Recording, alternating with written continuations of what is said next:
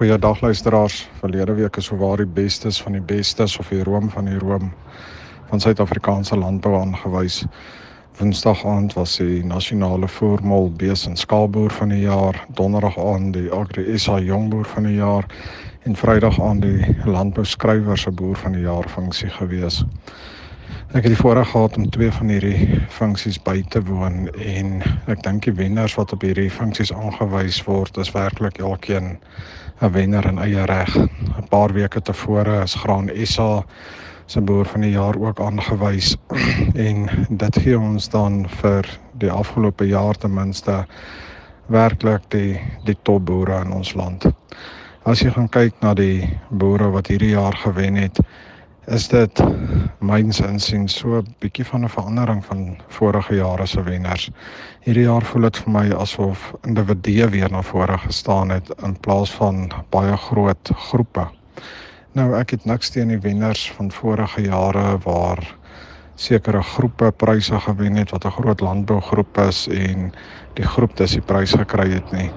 Maar tog is daar iets om te sê dis 'n individuele produsent wat dinge anders doen, wat dinge reg doen om dan hierdie toekenning te kry.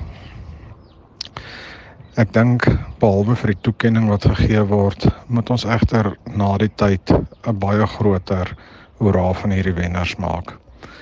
Die ding is hulle is wenners omdat hulle die regte goed gedoen het en daar's so baie mense wat by hulle kan leer.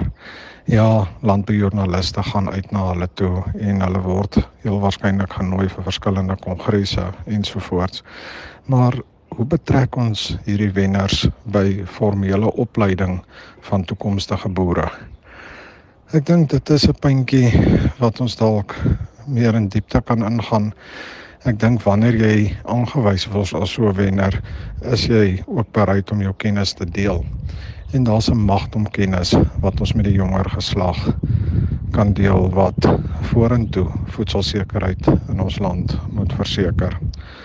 So baie geluk aan hierdie topboere in Suid-Afrika. Julle is 'n bewys dat ons nie hoef terug te staan vir enige iemand in die wêreld nie. Maar dan wil ek ook vra as jy 'n unieke boer, 'n groot boer, 'n topboer is, dink bietjie hoe jy kan terugploeg in 'n formele sin van die woord om dan so ook jou sukses met die jonger geslag te deel.